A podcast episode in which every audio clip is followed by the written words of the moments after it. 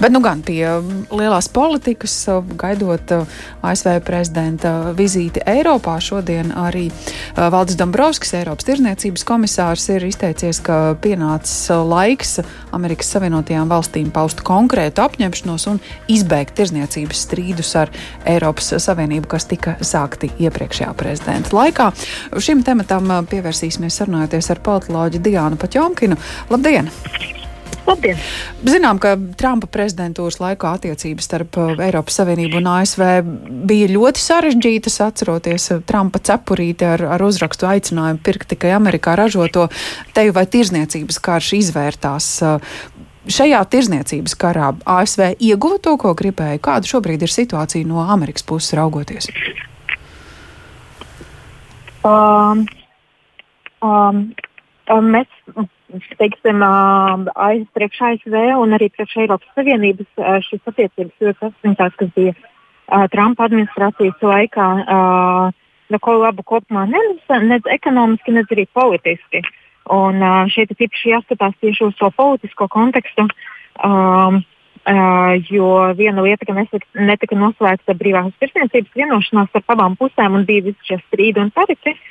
Um, kas, kas principā nekad nenes ļoti labvēlīgu ekonomisku rezultātu.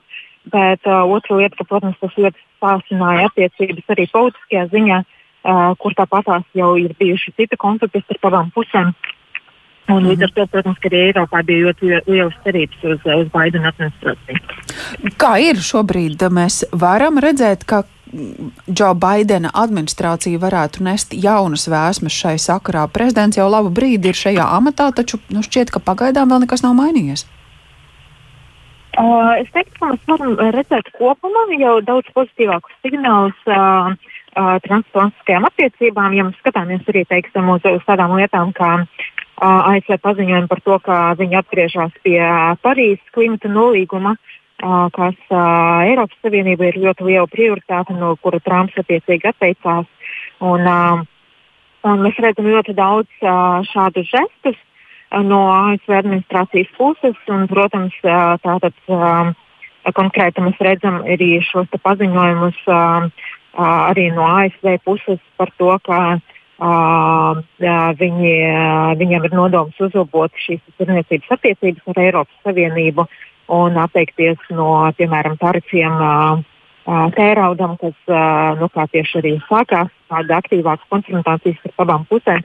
Protams, ka visi jautājumi līdz ar to nebūs atrisināti, bet, ja mēs skatāmies vēsturiski, tad starp Eiropas Savienību un ASV vienmēr ir bijuši kaut kādi strīdīgi jautājumi. Taču tas kurs normalizācija, es teiktu, ka tas jau ir redzams un, un, uh, un tas ir diezgan pamanāms tā skaitā varētu panākt arī nu, ne tikai tādu pirmā soļa vienošanos, bet arī kādus lielāku dokumentu paketi parakstīt par, par tirzniecības, savstarpējās tirzniecības attiecībām?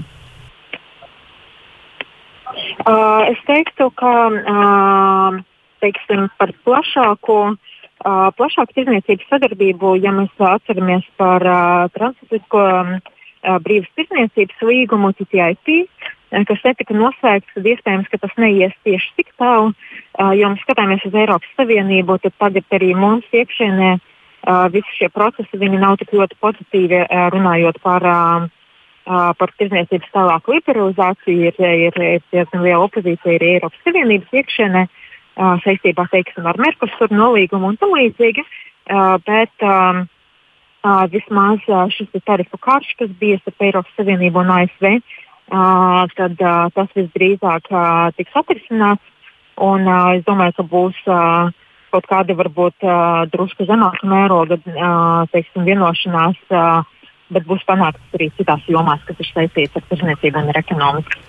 Nu jā, skaidrs, ka šis ir pietiekami svarīgs jautājums, lai abas puses uh, galveno uzmanību pievērstu tam, taču runājot par tirzniecību, nu, noteikti arī Ķīnas jautājumam uh, neizdosies nepieskarties. Vai te Eiropas Savienības un ASV nostāja varētu būt līdzīga? Um, uh, runājot par Ķīnu, tad uh, tas ir liels konkurents gan Eiropas Savienībai, gan ASV. Es domāju, ka šī ziņā šīs uh, pozīcijas jau ir saskanējušas arī Trumpa laikā. Uh, teiksim, saredzot uh, Eiropas Savienību kā potenciālo savienoto. uh, attiecībās ar Ķīnu. Un, uh, tad es domāju, ka teiksim, Baidena laikā līdz ar šo uh, teiksim, daudz vairāk uz diplomātiju un sadarbību ar, ar, šo orientēto pozīciju, uh, tad mēs redzēsim. Uh, teiksim, daudz ciešāka sadarbība šajā jomā, tad, protams, attiecīgi jāskatās, kā tieši šīs abas puses um, sadarbosies, teiksim, lai panāktu godīgāku tirdzniecību no Ķīnas puses. Iespējams, atdzīvinot pasaules tirdzniecības organizāciju, panākot kaut kādas jaunas vienošanās.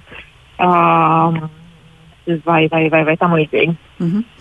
um, zinot, ka Džo Baidens tiksies arī ar Krievijas prezidentu, Eiropas Savienībai runājot ar, ar ASV prezidentu, kāds skatījums un kādā kontekstā varētu izskanēt Krievijas vārds, zinot, ka nu, ir ne tikai politisks, ir arī ekonomiskās intereses, tā skaitā Nord Stream projekts, par kuru Eiropā arī ir pretrunīgas atsauksmes.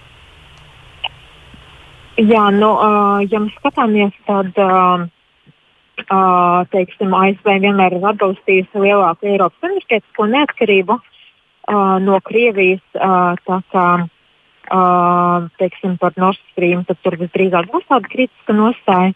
Uh, bet uh, skatoties, kā ASV un Krievija šīs ekonomiskās attiecības nav ļoti svarīgas pašlaik, uh, tad es domāju, ka šī tikšanās uh, būs tieši vairāk par tādām, tādiem sapīgākiem jautājumiem ASV un Krievijas attiecībās, kas ir, protams, drošības jautājumi. Un, un, un tāda pasaules politika globālākā mērogā arī strateģiskie lielie konflikti. Lielas paldies par šo komentāru. Saku politoloģijai Diānai Paķonkinai. Tātad um, nākamā nedēļa, nu, droši vien, būs arī fotografijas un iespēja redzēt, kā tad epidemioloģiski tiks risināta Eiropas uh, Savienības un ASV augsto amatpersonu tikšanās. Gaidām, ka ASV prezidents Joe Baidens ierodas uh, Eiropas Savienībā. 15. jūnijas ir diena, kad Briselē paredzēts Eiropas Savienības un ASV samits ar plašu jautājumu loku un cerams arī ar progresīvu ietekmi uz Eiropas Savienības un ASV ekonomiskajām attiecībām.